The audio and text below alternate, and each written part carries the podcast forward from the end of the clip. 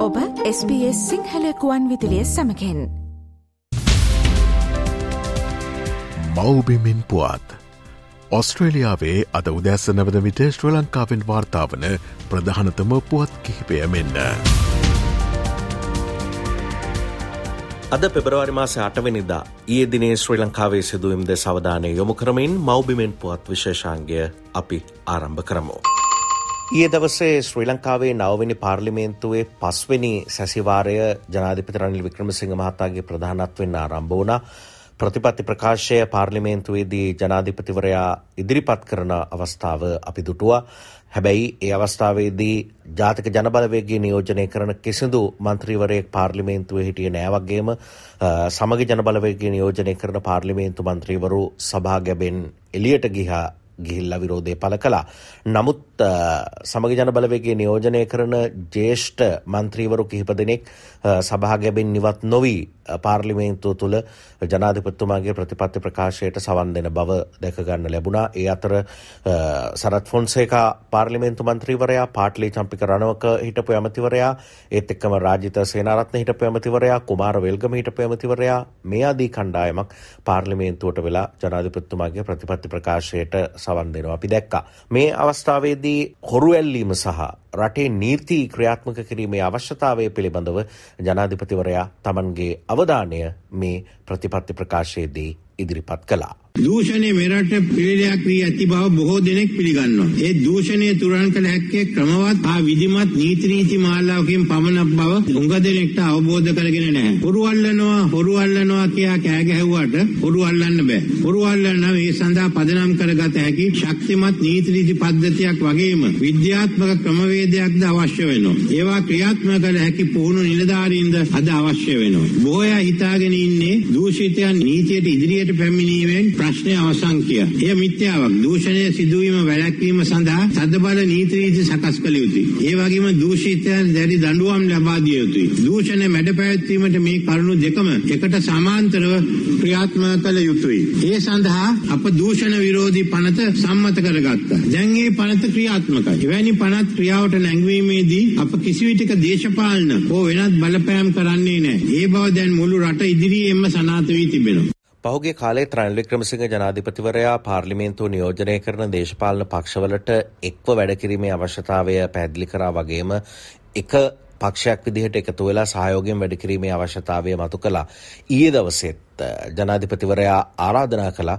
ශ්‍රී ලංකා පොදු ජන පෙරමුණට තමන් සමග එක්සත් ජාතික පක්ෂය සමග එකතු වෙලා වැඩ කරන්න පුළුවන් නම් අනෙක් දේශපාලන පක්ෂවලට එසේ එකතු වෙලා වැඩ කරලා අවසානයේදී ඡන්දයකට යද්දි වෙනම දේශපාලන පක්ෂ විදියට ඡන්දයට යන්න බැරි ඇයිද කියන එක පිළිබඳව විමසමින් යලිත් ආරාධනා කළා. එක්ව වැඩ කරමු එක්ව වැඩ කිරීමේ අවශ්‍යතාවය කුමක්ද කියන කාරණය ඊයේ පාර්ලිමේන්තුවේදීත් ඒ පිළිබඳව ජනාධිපතිවරයන් නැවතත් අවධානය යොමු කරා පාර්ලිමේන්තුවේදී ප්‍රතිපත්ති ප්‍රකාශය ඉදිරිපත් කරන අවස්ථාවේදී. රට වෙනුවෙන් පොදු ගමකට එකතු වෙන්න පොදු ජන පෙරමුණට පුළුවන් නම් සමගි ජන බලවේගයට එහෙම කරන්න බැරියයි.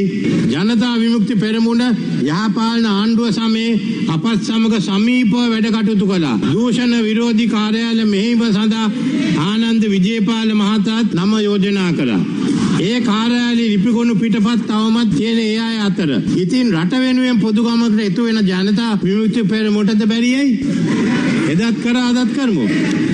ඒ වගේ මන් ද්‍රවිඩ මුස්ලිම් පක්ෂවලින් ඉල්ලනවා අපි එක්ක එකතු වෙන්න මේ ගමන යන්න කියලා. අනික් ස්වාධීන මන්ත්‍රීවරුන්ගෙත් මම ඉල්ලීම කරනවා.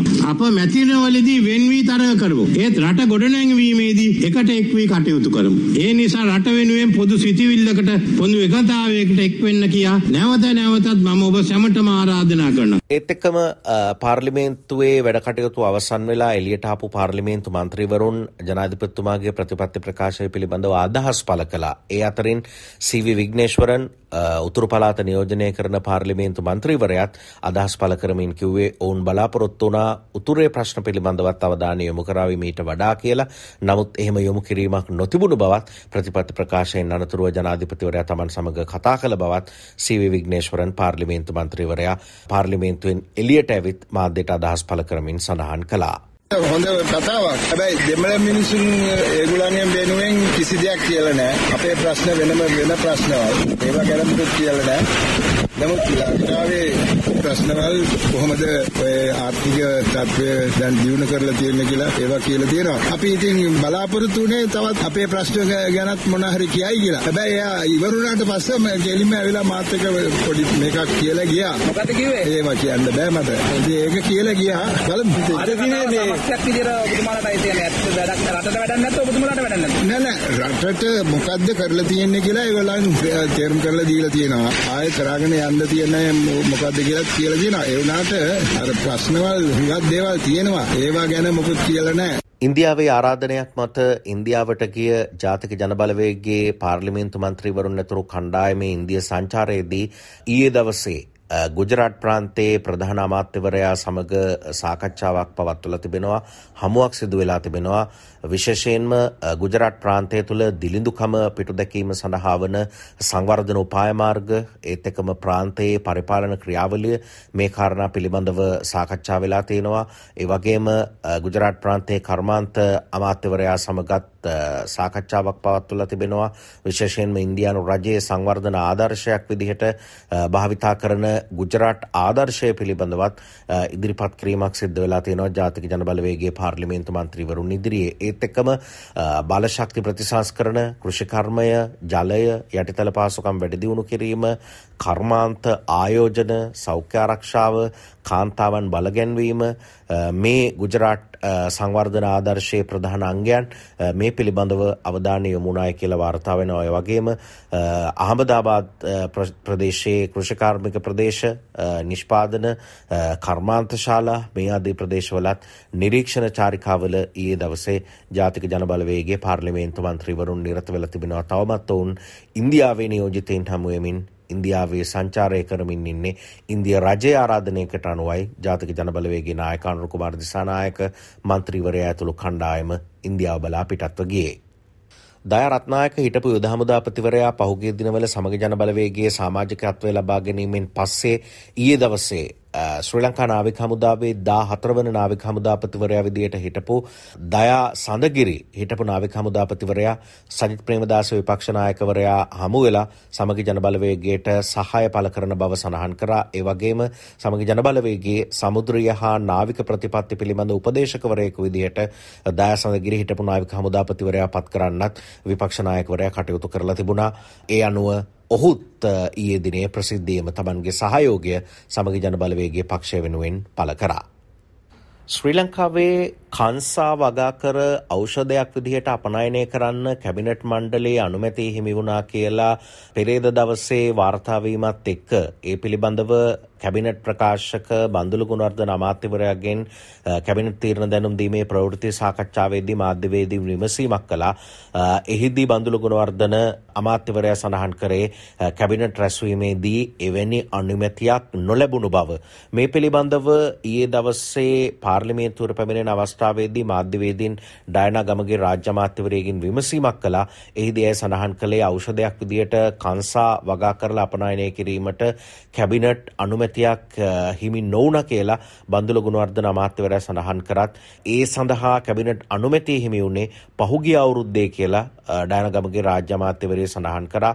ඒ අනුව මේ ත්‍රයිලෝක විජයපත්‍ර කියලා ආයුර්වේදයේ හැඳින්වෙන කංසා ශාකය ලංකාවේ වගා කරලා ඖෂධයක් විදිහට අපනයනය කරන්න කැබිනට් අනුමැතිය පහුගිය පස්වෙනිදා හමුවුණු බව ඩයනගමගේ රාජ්‍ය අමාත්‍යවරිය සඳහන් කරලා තිබුණා.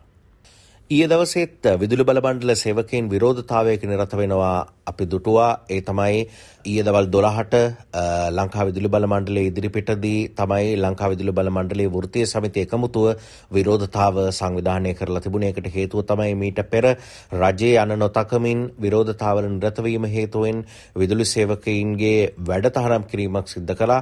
විදුලි බල මණ්ඩලයේ වැඩතහනම් කර සියලු සේවකයින් යලිත් සේවයට එක් කරගන්න කියලා බලධාරීන්ට බල කරමින් තමයි ඊයේ දවසේ ලංවීම වෘත්තීය සමිතිය දවල් 12ට විරෝධතාවයක නිරත වුණේ කොළඹ ලංකා විදුලි බල මණ්ඩලයේ ඉදිරිපිටදී. මේ සඳහා තැපැල් දුම්රිය රක්ෂණ බැංකු ටෙලිකොම් මෙවැනි වෘත්තීය සමිති රැසක සහයෝගය ලැබෙනවා කියලත් ලංකා විදුලි බල මණ්ඩලයේ වෘත්තීය සමිති සඳහන් කළා. ඔවුන් පෙන්නුවේ මෙතරම් වෘත්තීය සමිති කණ්ඩායම්වල සහයෝගය ලැබෙන වෙලාවේ තවදුරටත් දැවැන්ත වැඩ වර්ජනයකට යන්න කලින් දැවැන්ත විරෝධතාවයකට යන්න කලින් මීට පෙර විදුලි බල මණ්ඩලයේ වැඩසටහන තහනම් කළ සියලු සේවකයින් සේවේ පිහිටුවන්න කෙන ඉල්ලීම තමයි ඒ දවසේ විරෝධතාවෙන් ඔවුන් ඉල්ලීමක් විදියට සිද්ධ කළේ. හෙටත් මෞබිමින් පුවත් විශෂාන්ගෙන් හමුවන බලාපොරොත්තුවෙන් මම සමුගන්නවා ශ්‍රී ලංකාවේ සිට මනෝජ් උදටියාවල. මෞබිමෙන් පුවත් ශ්‍ර ලංකාවෙන් වාර්තාාවන ප්‍රධානතම පුවත් කිහිපය SBS සිංහල සේවෙන්.